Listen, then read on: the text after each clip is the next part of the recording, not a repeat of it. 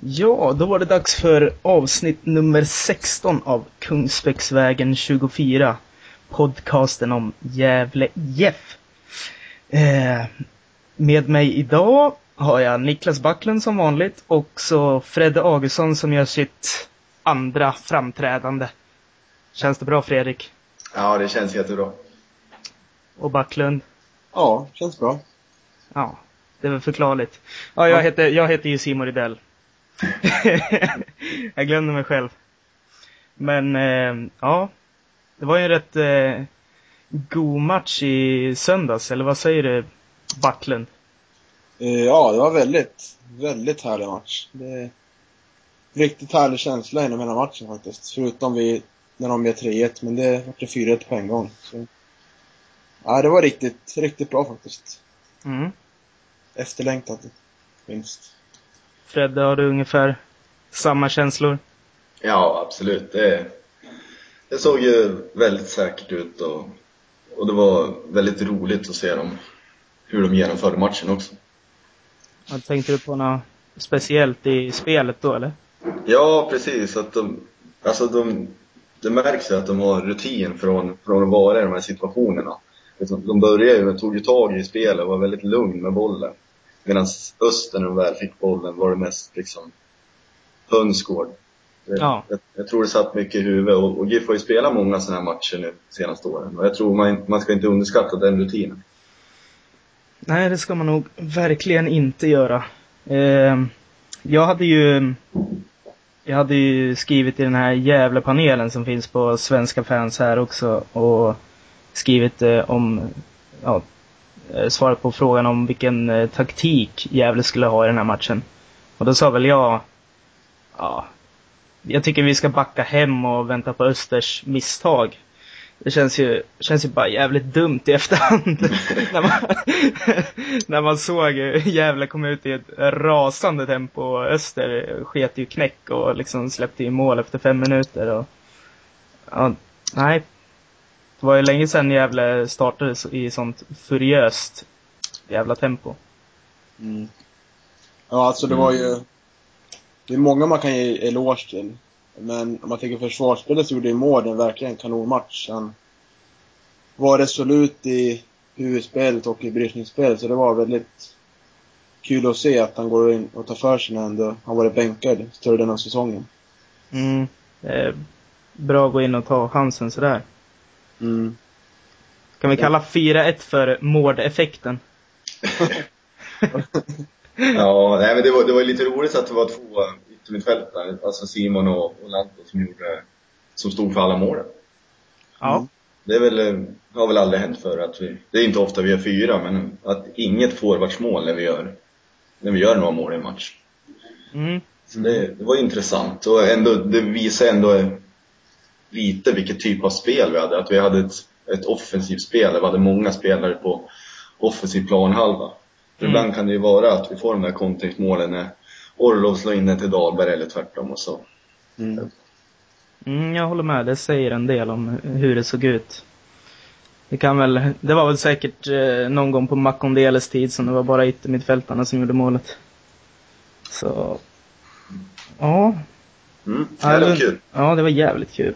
Ja. Men eh, man får ju, man ska inte ta ifrån någonting från eh, Orlov och Dahlberg heller. heller. De var ju djur hela matchen också. Ja, absolut. Det, det de är liksom lika viktiga i försvarsspelet som i anfallsspelet. Så Orlov jagar ju liv ur varenda spelare i uppspelsfasen. Så man ska inte underskatta det heller tror jag. Nej. Orlov hade väl två ass i den här matchen också. Eh, Mm. På Lundevalls första och sen Lantos första också. Det som är, som är tråkigt med att tänka på Olov att han att han nu två matcher i rad har gått, eh, haft många ganska bra chanser men inte, fått, inte gjort mål. Jag tror han skulle behöva göra ett mål för självförtroende. Ja. Även fast det hjälpte mycket nog att han fick eh, assist den här matchen. Men jag tror han behöver, skulle ha mått bra av att få in en boll. Jag tyckte, jag tyckte det här var eh, att ett praktexemplar på hur man studsar tillbaka efter missen liksom mot Häcken. Jo. Ja, Möjligt ändå. Att han är ändå en målskytt så. Vi får väl... Mm. Ja men i år har han, jag vet inte exakt hur det ser ut tidigare år, men det känns som han har utvecklats till en, till en poängspelare och han, I år leder han ju assistligan i, i Gävle. Eh, Mm. Kommer inte exakt ihåg hur många han har gjort, men det är... Ja, Sju kanske- assist tror jag. Ja, kan det vara sju nu efter matchen? Sju, sju mål, sju assist, 14 poäng. Ja, och det, jag menar den Jakob Orlov är man ju inte van med utan det har ju varit en, en snubblande in, ja men peta in och nicka in starkt på huvudet. Men Mm. eh, i år har han ju verkligen utvecklat sitt spel och blivit mycket bättre med fötterna, tycker jag i alla fall. Ja. ja man ser ju fortfarande hur det kan vara lite eh, snubblingar eh, och sådär, men eh, nej, jag håller med. Det är klart förbättrad Orlov. Mm.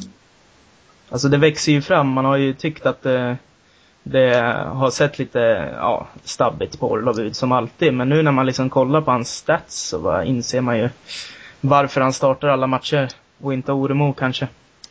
Mm. Och lika kollar vi på, på första assisten han gör så är det ju en typisk så här när han nickar ner den till Lundevall. Mm. Eh, Men den andra assisten han gör, det är, det gör ju väldigt bra när han löper på kanten och slår ett perfekt inlägg. Som, ja, till, eh, som till, en yta, till en yta som liksom Lanto springer in i.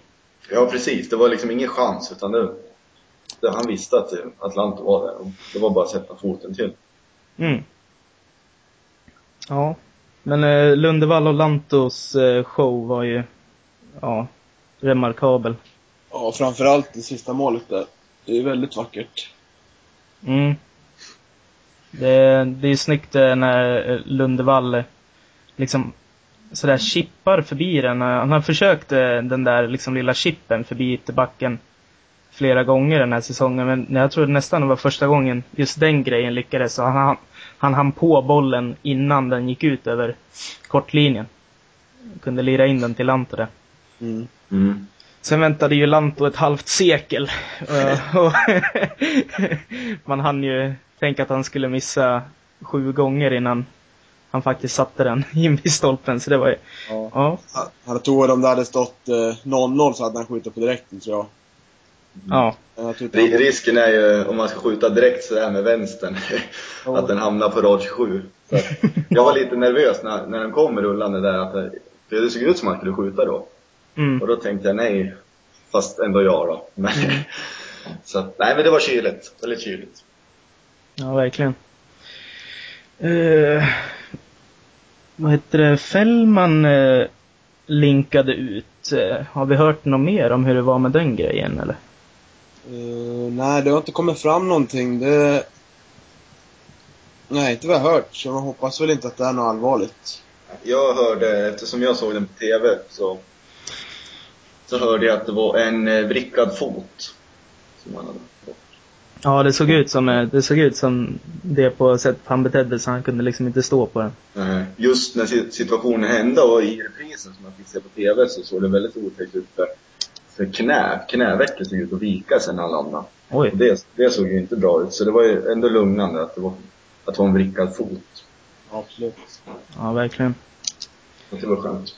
Ja, det var ju lite då när, eh, då Öster kom tillbaks lite grann i matchen. Då Hansson fick flytta ner från mittfältet och Hansson som också gjorde en jävla bra match. Mm. Drev, drev mycket bollar framåt Mm. hela Mm. tiden och ja. Det som, är det som är glädjande med Hansson, jag läste en artikel här om de här provspelarna i GIF, då står det ju vilka, vilka som inte har kontrakt för nästa säsong. Och där har vi spekulerat lite förr om att det ryktas om att Hansson inte har det.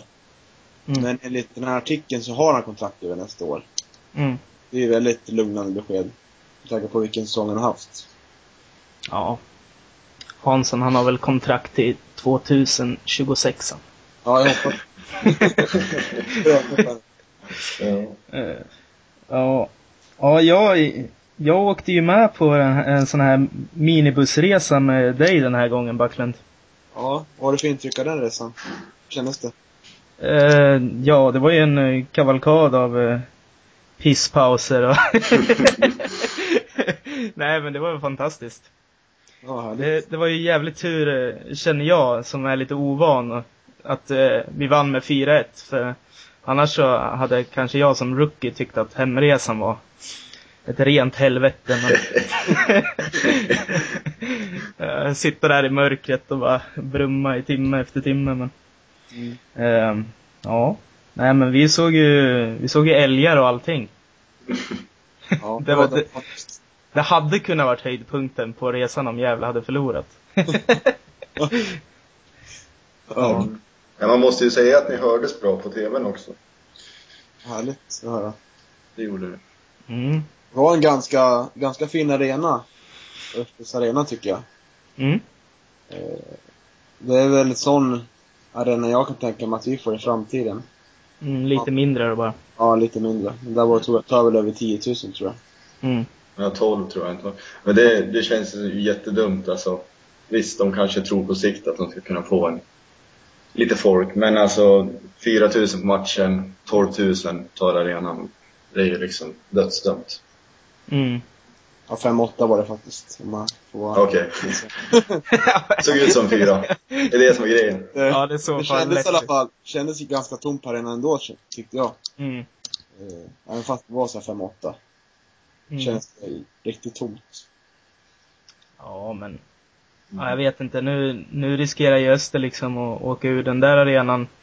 Det, det var väl enligt planen att de gick upp i Allsvenskan, men sen så var nog deras plan såklart att de skulle stanna kvar när de hade en sån, sånt bygge nu. Ja.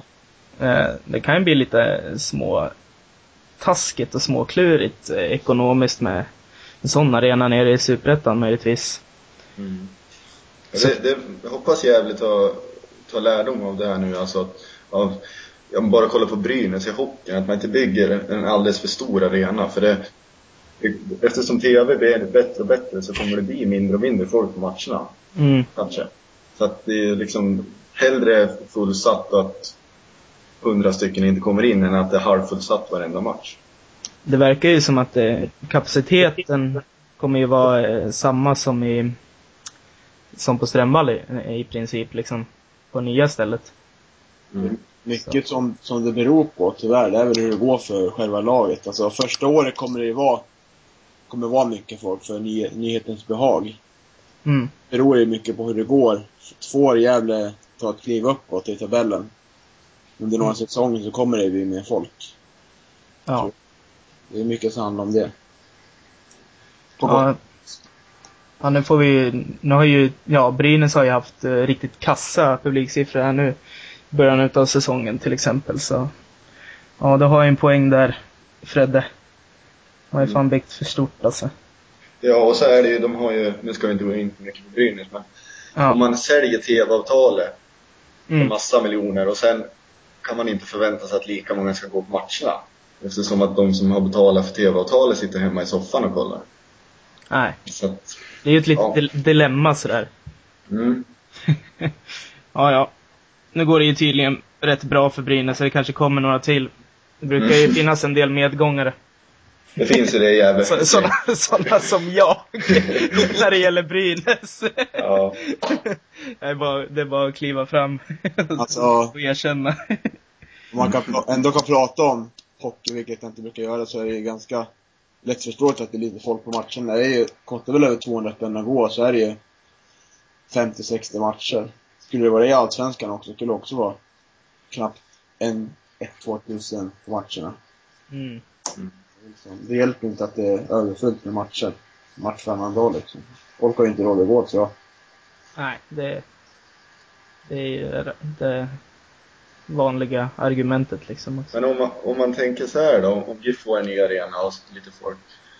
Du Backlund, du, du brukar vara med i, i klacken va? Ja, precis. Vad, vad tror du att man ska göra för att utveckla den då? Få, få mer folk att vara med i klacken? Ja, alltså. I början tror jag man måste ha liksom en bra kortsida. En kortsida där det, där det nästan är bra med ståplatser. Att det inte blir en isolerad del av ståplatser. För i Kalmar nere, där är de uppsatta i ett hörn alldeles själva. Då vill inte folk gå och ställa sig där. Då tycker det folk är bara pinsamt och sånt. Alltså det ska ju vara en kortsida med bara ståplatser. Och helst ska det vara tak över. Då låter det mycket bättre. Då vill folk komma och ställa sig där. Mm. Det tror jag är två viktiga saker. Nu kommer det inte bli tak i början av arenan vad jag förstår. Det kan komma senare men det tror jag är riktigt viktigt. För att se om man kan kolla vad som har hänt klacken. Alltså 2008 försökte man, då flyttade vi till eh, från sektion H på långsidan till kortsidan på, ja, närmast eh, stora entrén på Strömvallen. Då vart det en isolerad del. Och då vart det inte alls bra. Det blir ju, det blir, det blir liksom, då kollar alla folk snett på en på något sätt. Mm. Det kan ju vara en del av en stor, stor publik. Så Mm. du menar att, att klacken ska vara isolerad med övriga publiken?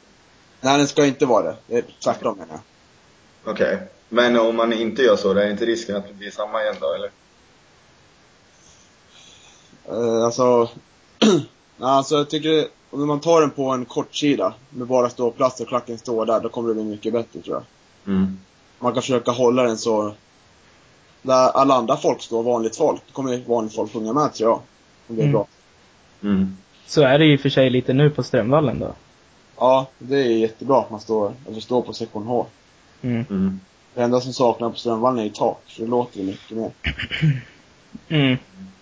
Har- Har du någon, eh, finns det någon speciell arena som du har varit på som tycker, som tycker har bra förutsättningar för, för, ja, för, säg för, för Gävles klack då, om man inte tänker Göteborgs eller AIKs? Oj, det var en svår fråga. Ja, det är inte Friends Arena i alla fall, den var, var bedrövlig.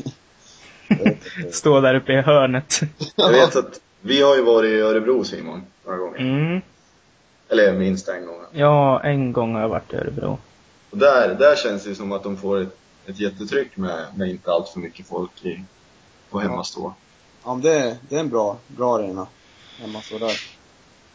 Mm. Sen, eh, vad kommer jag tänka på sen? Vilka har bra? Eh, vilka lag som finns? Alltså, Elfsborg tycker jag, med deras arena, de har, jätte, de har jättebra tryck på den. I Borås Arena. Mm. Mm. Det är väl de man har som... Jag som har- tycker, Djurgården har jag inte upplevt på ner men Tele2 har jag fått bara hört positiva grejer på. Det kan bli intressant att komma dit. mm, jag tyckte, jag tyckte Djurgården var alltid rätt eh, röststarka på stadion. Så, Mm. Mm. men nu spelar de inte där längre. Och se hur det blir. Ja, men man Finns- har, man har ju liksom... Man ville ha Elfsborg innan de fick nya arenan. Då hade de ju ganska...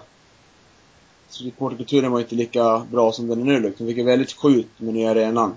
Det beror ju också på att det gick mycket bättre för laget också. Mm. Det hänger ihop det där. Ja, det gör ju det. Vet- Vet du om det finns någon diskussion mellan föreningen och er i klacken om hur, hur man eventuellt ska göra vid en ny arena? Uh, nej, det vet jag faktiskt inte. Alltså det är ju inte...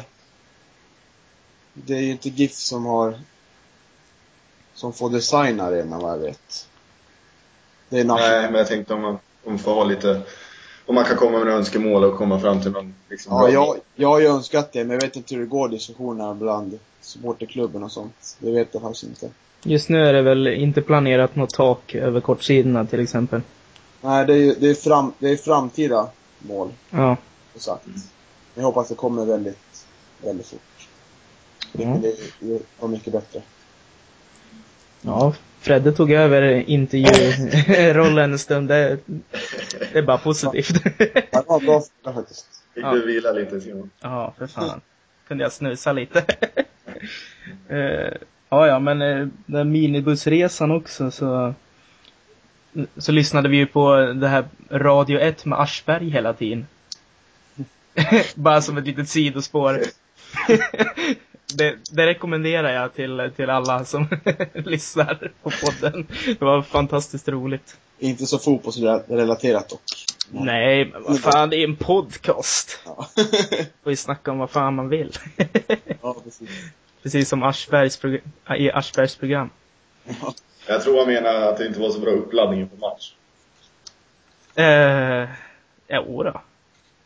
Det var det väl. Det var Ja. avslappnande i alla fall. Det var lite som att lyssna på sån här, du vet om man spelar GTA. Så lyssnar man på pratradion där och så är det en massa sjuka som ringer in. Det var exakt som det. Så jag kommer, jag kommer lyssna på det där programmet nu. Ja. Ja. Oh, ja. Är vi, är vi klara nu då i och med den här 4-1 segern? Ja, jag, jag vågar inte säga något. Med tanke på hur säsongen har gått hittills, men Så ser man som förr så har vi, när man tagit sådana sköna vinst, då har vi klarat av det liksom. Sluttampen. Mm. Men vinner vi mot Syrianska, då, Mm. ja, då kan vi i praktiken bli klara om Öster och Halmstad kryssar som bäst. Men Mm. vinner vi där så borde vi klara av det oavsett. Mm. Det känns som att vi, vi fans kan, kan liksom känna att vi är klara, men det blir, spa- det blir farligt ifall spelarna känner Ja. det. Eh, Men, eh, alltså Syrianska hemma, det, det ska ju vara tre poäng som det ser ut nu. I, alltså vikten av den matchen, vinner vi den så här, vi, då, då hävdar jag ändå att vi är klara oavsett hur det går i de andra matcherna, egentligen. Mm. Så att, eh, men ja, egentligen så vill man vänta till, till den matchen spelas innan man svarar på det. Men, så att då kanske man inte är det då. Nej. Jag tänkte bara liksom ta tempen på hur ni kände inför, inför det faktumet. Eh, ja, för sen, ja, skulle man liksom misslyckas på något sätt mot Syrianska så väntar ju Djurgården och Elfsborg liksom. Så Djurgården med Per Messias och vad heter det, Elfsborg som kanske får en liten skjuts nu när eh, Claes Ingesson ska ta över. Det brukar ju bli en liten skjuts oavsett vad man får in för någon ny tränare liksom. Mm. Så det blir liksom, även om vi förlorar mot Syrianska, så är det, måste, de andra lagen under oss måste ju vinna. Mm. Mm. Och Öster har, Öster hade väl Göteborg ja, nästan. precis, och Halmstad Mm. blir hemma. Och det var, det var väldigt skönt att eh, Malmö torskade sist. Så att Göteborg ändå har en liten chans att vara Mm. med. Så att det inte blir så att de vart avhängda och så hade de ingenting att spela för. Och då vet man ju aldrig hur, hur det kan se ut. Nej, precis. Det var ju perfekt det. Och samtidigt, man kan ju notera att hade GIF förlorat mot Östers, Mm. vilket inte var omöjligt innan match, Nej. så hade man ju faktiskt legat på kvalplats nu. Även om man hade haft Syrianska kvar. Men, Ja. Så det var ju, man kan ju man kan inte understryka nog hur viktig den där segern var. det går inte. ja. Då är det extra skönt att vi ändå Gävle-lirarna verkligen visade vilket lag som är värda att slippa kvalet. Med, Mm. Alltså inte med någon jävla sned, snedspark turvinst utan en, en redig 4-1. Mm. Så det var ju fint. Det var inget självmål av prins Itka Ekong den här gången. Eller hur var det? ja, just Ja, den. Det är min, det är min favorit, mitt favoritmål i GIF-historien alltså. När man snackar, snackar om eh, hundraprocentiga chanser som Orlov lyckas missa ibland, så det var ju en nollprocentig chans som satt för GIF alltså. Mm. ja. Ehm. Nej, men efter matchen mot Öster så, det noterade väl både du och jag Backlund, och man såg liksom lättnaden och glädjen i ögonen på GIF-spelarna efteråt när de kom fram. Ja, verkligen, verkligen. Genuin glädje och lättnad liksom. Det här, det här hade de väntat på länge. Mm. Mm. Ja, det var första bortasegern va? Ja. Ja. Mm. Det var på tiden. Verkligen. Mm. Ja. Ska vi snacka lite om den här äh, lite rödlätta ytterkantspelaren vi har som har gjort det jäkligt bra på sistone. Simon Lundevall. Mm. Hur bra är han egentligen? Han är riktigt bra. Ja. Mm. Det var, det var en bra analys. Han är liksom, jag säger honom som, han är bättre än Lante nu. Nu har Lante varit borta länge och sånt, men just nu är Lante överglänst tycker jag. Helt Mm. klart av Simon. Alltså, ja men sätter man i ett perspektiv, alltså vad ska man titta på? Hur bra är han? Ja, hur bra är han i Allsvenskan? Ja, det är inte många yttermittfältare som Alltså nu ser man GIF ma- match efter match, men offensivt sett, alltså individuellt, så är det inte många spelare som över, överglänser han. Sen finns det kanske tvåvägsspelare som liksom går före Mm. på grund av det, men offensivt sett så är han ju, då tillhör han ju faktiskt de bästa yttermittfältarna i Allsvenskan, tycker jag. Mm. Och ju- man lär ändå påpeka när han är i form, för att han är ju fortfarande lite ojämn.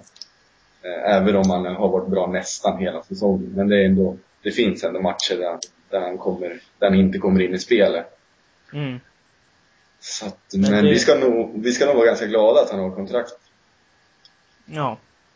Vet det, ehm, det är väl så att det var ett bra tag sedan GIF eh, sålde någon spelare och GIF behöver ju egentligen göra det för att liksom må bra som förening överhuvudtaget liksom. Mm. Eh, så eh, även om man eh, såklart vill ha kvar Lundevall så känns det som att nu börjar det hypas lite även, ja, runt om på andra ställen i Sverige, i fotbollssverige liksom att den här Lundevall, han är ju bra. Och det kanske, det kanske är nästa försäljning. Hur länge tror ni att han blir kvar? Alltså, jag tror att, jag tror han blir kvar. Ja, om han fortsätter samma utveckling, då är det väl nästa sommar jag tror han kan ryka. Mm. Då kanske Mm. en stor klubb i Sverige vågar satsa på honom. Det skulle ju vara kul om vi lyckades sälja han, om vi nu ska sälja han, att vi lyckades sälja han utomlands i så fall. Även om det handlar om Danmark eller var som helst. Mm. Det skulle Ja, kännas lite som ett avtryck, att vi ändå klarar av att göra det. Mm. Mm. Han känns ju inte... Det är ju vissa, det känns ju som att eh, typ Gävles forwardstyp är liksom lite bränd för de andra lagen. Ingen vill värva Gävles Orlov liksom eller sådär. För att eh, Oremo liksom floppade som han gjorde och det är väl, det är väl det här liksom, spelare är inte så bra som de ser ut att vara i Gävle liksom. Verkar väl klubbar ha in, insett, eller ja, tror sig veta i alla fall. Men Lundevall känns ju inte riktigt som den här typiska GIF-typen ändå. Kanske Nej, lite... han går väl lite kanske i till exempel Makondeles fotspår. Ja, Makondela ja. ja. Och han har det ju gått, gått bra för. Även om man, ja, alltså Simon, han är inte, jag tycker ändå man ska lugna sig lite. Han är inte där än. Utan alltså, det finns, jag tycker att han är, alltså, det han kan utveckla är att, att han kan ta sig in i matcher utan att behöva få liksom bollen serverad. Mm. Att jobba sig in i matcher och sådär. Och det var, Makondele var ju liksom sällan dålig. Han gjorde ju alltid, han gjorde ju alltid sitt jobb. Både offensivt och defensivt. Mm. Och det, det tycker jag att, det tror jag också är sånt här som gör att, man, att han blixtrar till lite för sällan för att vara så jätteintressant. Även om jag tror att hela allsvenskan är intresserad av hans spelartyp och följer han och ser hur bra han kan bli. Ja. Ja, men det är ju definitivt en bra poäng. Helt klart. Så att, men, eh, alltså jag håller med dig om det här med försäljningen. Man kan ju verkligen hoppas att man får behålla han och Lant då. Och så från början nästa säsong spela med Lant på ena och Lundevall på andra kanten. Då blir vi ju väldigt oberäkneliga helt plötsligt. Mm. Tidigare har det alltid varit att vi har haft, ja men vi har haft Lanto på ena och så har det varit, ja men någon långdistansare på andra liksom. Mm. Det varit- Någon långdistansare. Ja men någon som springer upp och ner eller händer så. Någon skördetröska från Årsunda. Ja, men utan att lägga någon värdering kring det. det spelmässigt så blir det väldigt intressant. ja. Man, hop man hoppas ju att eh, man får behålla Lund Lundevall, för då har man ju två spelare man vet är riktigt bra. För Mm. innan säsongen så var ju Lundvall, hade inte etablerat sig då. Då var det bara Lanto man, man förlitar mycket på offensiven på. Mm. Mm. Så får man behålla båda de två skadefria. så vore det ju riktigt bra. Så får man hoppas det kommer in en riktigt bra ersättare till Faceta som Malmöborna kommer att lämna också. Ja, det är väl Robin Nilsson. Det var väl som Carstensen sa. GIF värvar inte någon ordinarie från Superettan om man inte ska gå rakt in i startelvan. Nej. Mm. Han kan säkert utvecklas och bli bra. Ja. Så. Men ska vi, ska vi tro att eh, GIFs period med 4-3-3 är över nu eftersom att både Lundevall och Lanto är tillbaka i form? Alltså, se även ur, ur ett längre perspektiv. Ska vi tro att nu när vi har två bra yttermittfältare så kommer vi spela 4-4-2 igen? Ja, det är jag nog beredd att skriva under på. Det är väl aktuellt igen när någon, någon av de här blir skadad. Mm. Eh, Då känns det väl som mest aktuellt. Och precis, eller ja. Eh, Något som kanske blir aktuellt igen i framtiden är väl mer den här 5-3-2. Liksom. I specifika matcher. Mm. Som vi körde lite ibland. Det Man kanske... märker ändå att, eh, att Lundevall är ännu bättre på kanten. Vi tyckte att han var bra när han spelade i mitten. Mm, Men han är ännu bättre på kanten. mm, Mm. det är han. Eh, ja, så har GIF haft in lite eh, provspelare nu. Eh, en kille kommer från Juventus. Wow. Wow! Jävlar. Nu jävlar ja. Men eh, det var inte Jorente eller Tevez utan det var en Mohamed Buya från Juventus IF, något Västeråslag tydligen i division 3. Mm. Eh, som har gjort eh, 20 mål på 11 matcher där nere. Han gjorde väl åtta mål mot Athletic. Och då tänkte man ju, det var ju bra. Juventus! Juventus, åtta mål. Oj. Ja, vad är det för liga egentligen? Alltså man får, alltså.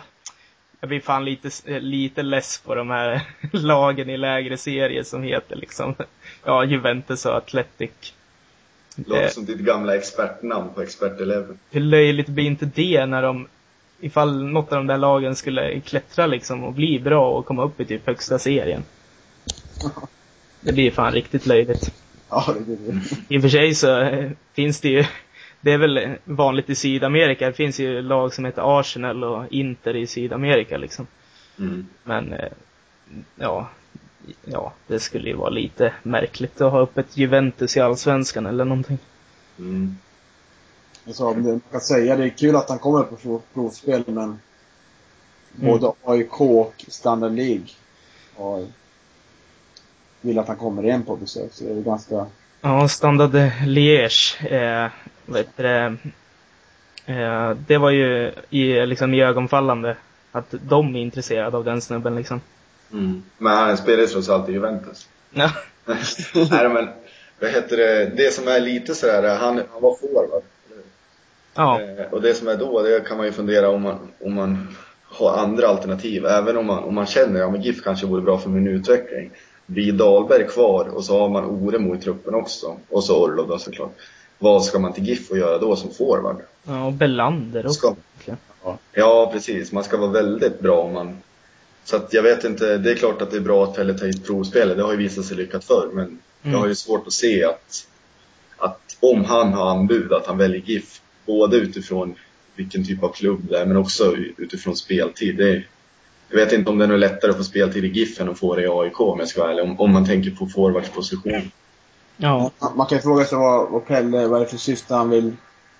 Man vill bara se honom i provträning, man, har man vill ju självklart värva honom, men Mm. frågan är om man ser honom som en, en spelare på bänken som kan hoppa in sådär. Det känns ju väldigt... Mm. Det är väl lite oklart än med Dahlberg också. Skulle Mm. han försvinna så Liksom. Då är det klart att då, då blir det väl Oremo och Orlov på topp och då öppnas ju ändå upp och Mm. bakom där och den får tampas med Belander då. Mm. Så att, ja, det, men det är väl bra att han har liksom lite, ja men vad ska man säga, att han ligger steget före utifall det inte skulle lösa sig Dahlberg. Ja. Ja, det verkar ju just som den här Boja, Boja är en, eh, ja, en spelare som har potential om man bara kollar på hans statistik och läser lite hur beskrivning av hon, om han på den här VLTs hemsida. Eh, att han är, ja, i princip har total lekstuga där nere och bara springer, liksom skjuter, alltså han skjuter bollen framför sig och så springer han ifrån dem. Det låter som en GIF-spelare ändå. Ja, det låter ungefär, det låter ungefär som liksom David Ackham. Jag Ja. kan tänka mig att det är den typen. Eh, ja. ja, och sen var det ju någon William Olausson som tydligen har haft en, alltså det kanske är pinsamt att man inte vet vem Mats Olausson är. Han ska ju tydligen ha spelat i GIF i början av 80-talet eller något sånt där. Som eh, var den här Williams eh, far. Eh, så, ja. Från Piteå. Och sen var det en kille med ett bra namn, Henrik Milbert. Också från Piteå, högerback tydligen. Mm. De två eh, har ju spelat match ikväll tror jag i U21 med GIF. Jaha. Mm. Så det kanske man kan läsa lite om i tidningen imorgon. Den hade man väl ha sett, den matchen. Ja. Nej, man glömmer alltid att gå på U21-matcherna. Då hade man vetat en hel del mer om GIF. Mm. Känns det som. Och där är väl Pelle kanske kollar på alternativ om Per Asp sticker, kan man ju tänka sig. Ja, men Milbert. Ja. Ja. Men det känns ju som att, eh, det känns ju som att Jonas Olsson har ju fått spela en del. Och sen så, jag tror Bernhardsson fortsätter en säsong till. Och Mm. liksom, han funkar ju som högerback också så det känns Mm. inte som att det är någon jävla kris direkt. Nej. Däremot på mittbackspositionen, där har vi haft det för, ja, för första gången på länge så har vi haft det riktigt bra ställt. Man tänker mig att vi har kunnat sätta en bra mittback på bänken. Mm. Eh, men där är jag inte lika säker att vi, vi kan göra det nästa år. För att jag tror inte att någon av de där tre är nöjd med att sitta på bänken en säsong. Och, även om man har kontrakt nästa år så tror jag att det kan, att det kan hända grejer. Jag Mm.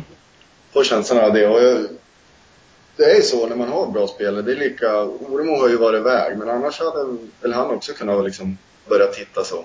Mm. Nu får ju ändå han mer speltid eftersom man byter in en forward då. Man byter ju aldrig in en mittback. Ja. Skador. Eh, så att eh, jag är inte så säker på att vi har alla tre i truppen nästa år. Nej, det, det finns absolut en chans att det blir så alltså. Mm. Däremot så har, har ju alla de tre kontrakt så det är ingen liksom förlustaffär för GIF så utan i så fall så kanske Ja, jag har svårt att tro att Pelle skulle låna ut någon också. Eh, Nej. Eftersom att, ja men den lyxen har inte GIF att kunna låna ut en bra mittback.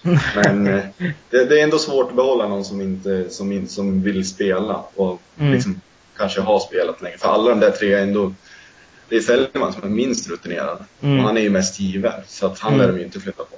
Nej. Han skrev på nytt kontrakt nu så också. Ja, precis. Det, Skulle väl vara om något allsvenskt lag rycker i Fällman.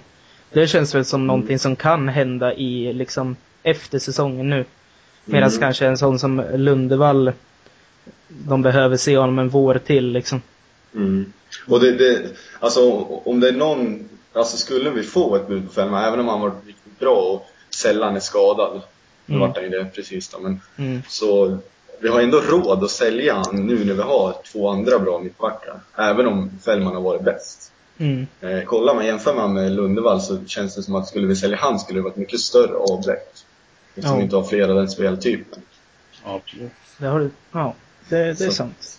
Jag vet inte, det är lite spännande. Jag ser vi nästa år. Det är, alltså det är inte säkert att... Det är, all, det är en ny situation för GIF att ha lite sådär med...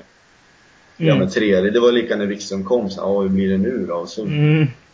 Det är ju verkligen inte vanligt med lyxproblem i Gävle IF. Nej. Så. Mm. Men man får, det är ju som sagt lyxproblem så. Mm. Det är väl. Det brukar man ju räkna som positivt. Mm. Men jag tror det är en av anledningarna att Pelle, förutom att han gärna har koll på spelare så här, bjuder in ett par backar också. Att han, Mm. han, han borde ju också ha en känsla av att det kan hända någonting eller att alla inte är sådär jättenöjda med situationen. Mm. Mm. Jag, jag tror att om någon blir riktigt jävla missnöjd, då är Gävle ändå en, en eh, sån här, de har ju lite så här humanism eh, som ledstjärna. Och tänker liksom inte bara köra över en spelare och liksom låta han ruttna i u laget om, om han verkligen vill iväg. Nej, precis. Det tror jag, det är inte GIFs stil. Så då blir det ju förmodligen att den, den spelaren, ifall det skulle bli någon som blir riktigt less, får liksom packa väskan om man vill. Mm. Om man har några erbjudanden. Och de får någon slant eftersom de är på kontrakt. Ja, ja så blir det landslagsuppehåll. Jag vet att eh, Niklas Backlund, eh, herr Niklas Backlund inte kunde bry sig mindre men Men vad tror du Fredrik om eh, landslaget nu?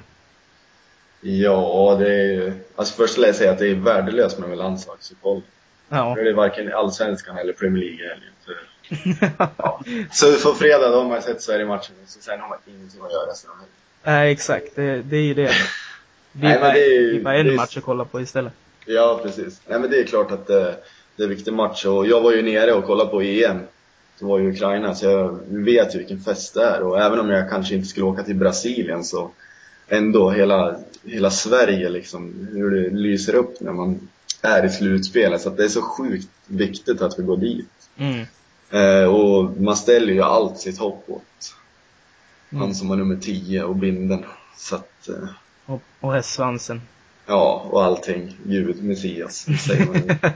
Så att, eh, ja. Nej, jag, jag hoppas. Och det, det verkar ju som att vi, att vi behöver vinna också, för annars måste vi ta poäng mot Tyskland eftersom att Österrike hade någon Var det San Marino eller? Nej, de var inte med i gruppen. Jag vet, det var en skitlag i sista.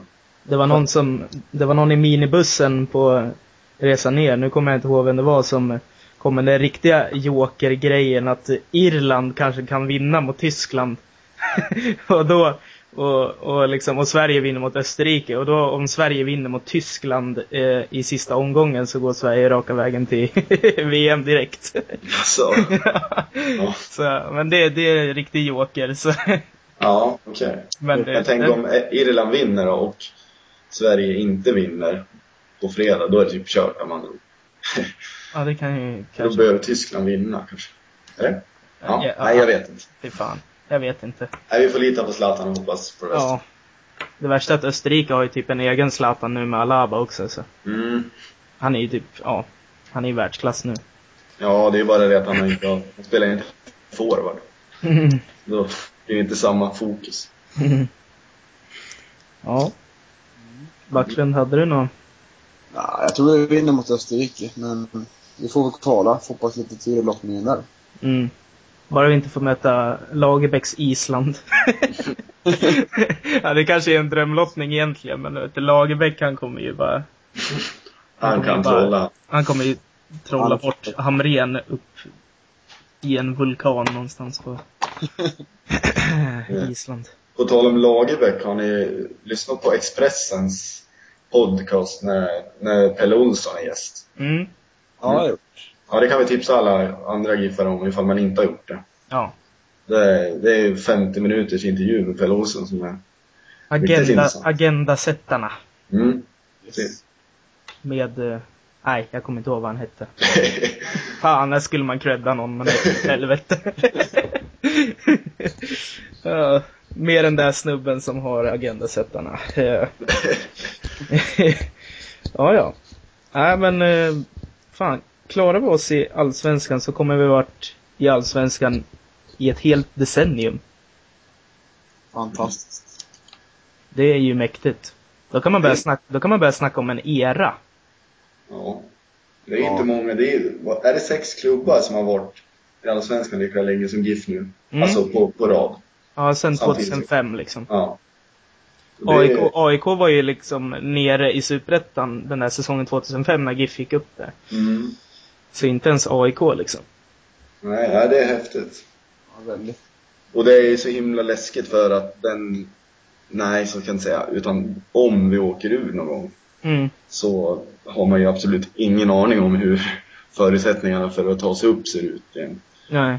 Skulle vi nu få ny arena och den är klar och sådär så ser de väl lite bättre ut men Mm. annars är det ju liksom Men det Ja, känns då- ju som att så som vi håller på nu, säsong efter säsong, så vet man vad man har i Gävle. Men skulle vi ramla ut, då, då skulle ju allting liksom bara, jag menar rasa. Eller Mm. förmodligen kanske inte, det känns väl som att GIF är ett, ett klubb med en plan, liksom en reservplan. Men Jag tror om skulle man åka ur så har man inte de ekonomiska musklerna att satsa på direkten. Det skulle bli långsiktigt mm, mm. Och det är väl inte omöjligt att det skulle lyckas om nu till exempel Pelle är kvar eftersom han har lyckats med allt annat han gör men mm, det, man, liksom, det är svårt att, om man tänker att till exempel vi skulle åka ut i år och så går kontraktet ut på Darber och Falsetas och så mm, är ingen av dem intresserade av att följa med ner, vilket man kan förstå. ja, Och då, eh, ja men och så sen ska det nya kontrakt med, med Lundevall kanske gå ut nästa år och så. Då blir, det blir väldigt, det, blir, ska mycket till om man har råd att förlänga med dem då. För då känns det som att man lockar med något annat än spel i Allsvenskan. ja. Nej, man kan ju inte bara komma Nej, men eh, eh, har du någon utbildning eller Lundevall så att du kan ta något jobb vid sidan av? Ja, så var det, så var det ju Nej, GIF, så var det ju GIF när de gick upp. Då hade ju alla, då var de ju brevbärare och brandmän och ja, banktjänstemän. Bönder. Bönder. Det har vi än fortfarande i och för sig. Ja. Ja, nej det är tur att vi inte behöver spekulera i det här nu. Nej, men, En gång. ja. Ja. Man tänker på en klubb som Åtvidaberg liksom. Som, ja, de är från en, en ort med 7000 invånare. Och liksom, hur fan kan de vara i Allsvenskan? Och då, då är ju förklaringen, ja, för de har tradition. De vet vad som krävs liksom. Eh, eh, de, har, de var ju bra på typ 70-talet eller någonting med Ralf Edström och mötte väl Chelsea och hela grejen liksom. Så det sitter i väggarna där liksom. Man kan ju säga att Gävle är väl ganska traditionslös på det viset, på den här nivån. Men, eh, ja. Nu, nu håller väl Gävle på att skriva, skriva sin historia liksom. Mm. Kan man väl säga. Ja, alltså det märktes ju ur ett kort perspektiv så märktes det ju redan i, i söndags. Ja. Där, ja men där rutinen och historien senaste åren har gjort, har satt liksom ett, ett avtryck i spelarna. Mm. Och tränaren såklart. Och tittar vi om 10 år och vi är klar, kvar i Allsvenskan så har vi ändå 20 års erfarenhet vilket borde ha gjort en Mm. hel del. Ja, då är vi ju en, då är vi en klassisk allsvensk klubb. Ja, det har säkert varit många lag som har åkt ner och upp under den tiden. Om man får drömma så. Galet. Ja, Men man ja. har ju alltid tänkt så här, äh, eller tänkt, ja man är väl lite pessimist. Man har alltid hört, min morfar är expert på det här, säger alltid, ja i år åker de ut. Ja, Mm. man nickar lite försiktigt, ja visst, man orkar inte ta någon diskussion. Men man har ju innerst inne tänkt så här, ja men det har ju varit nära nu några år och, Mm. ja. Men eh, egentligen, det är liksom, det är, det är nära varje år men ändå inte. Mm. Så att det är inte så mycket som talar för att vi ska åka ut. Nej. Ja, de gör ju, gör ju alltid de här superviktiga segrarna på slutet där allt bara lossnar och allt känns skitbra liksom. Som, Mm. som i söndags liksom. Ja. Då efter det brukar det vara, då brukar det vara ganska, ganska lugnt och behagligt. Mm. Ja. Så. Vi får väl vara klara med att vi inte tar ut någonting i förskott, men man måste ändå, Nej, få, absolut. man måste ändå få diskutera att, eh, om att GIF faktiskt har varit på nedre halvan i nio säsonger, men ändå aldrig åkt ur. Nej, Så. och det, det är ju inte liksom vi, vi snackar om att vi har haft otur i år med resultat och sådär och det har, vi, det har vi väl haft på ett sätt. Men det är inte tur att vi har stannat kvar varje år utan det, de där poängen vi har tagit, de har, det är många, 0-0 matchen mot Häcken till exempel, många som tänkte såhär, ja men vad dåligt med en poäng och sådär. Mm. Ja, i slutändan så kanske det är den där poängen som gör att vi är kvar. Mm.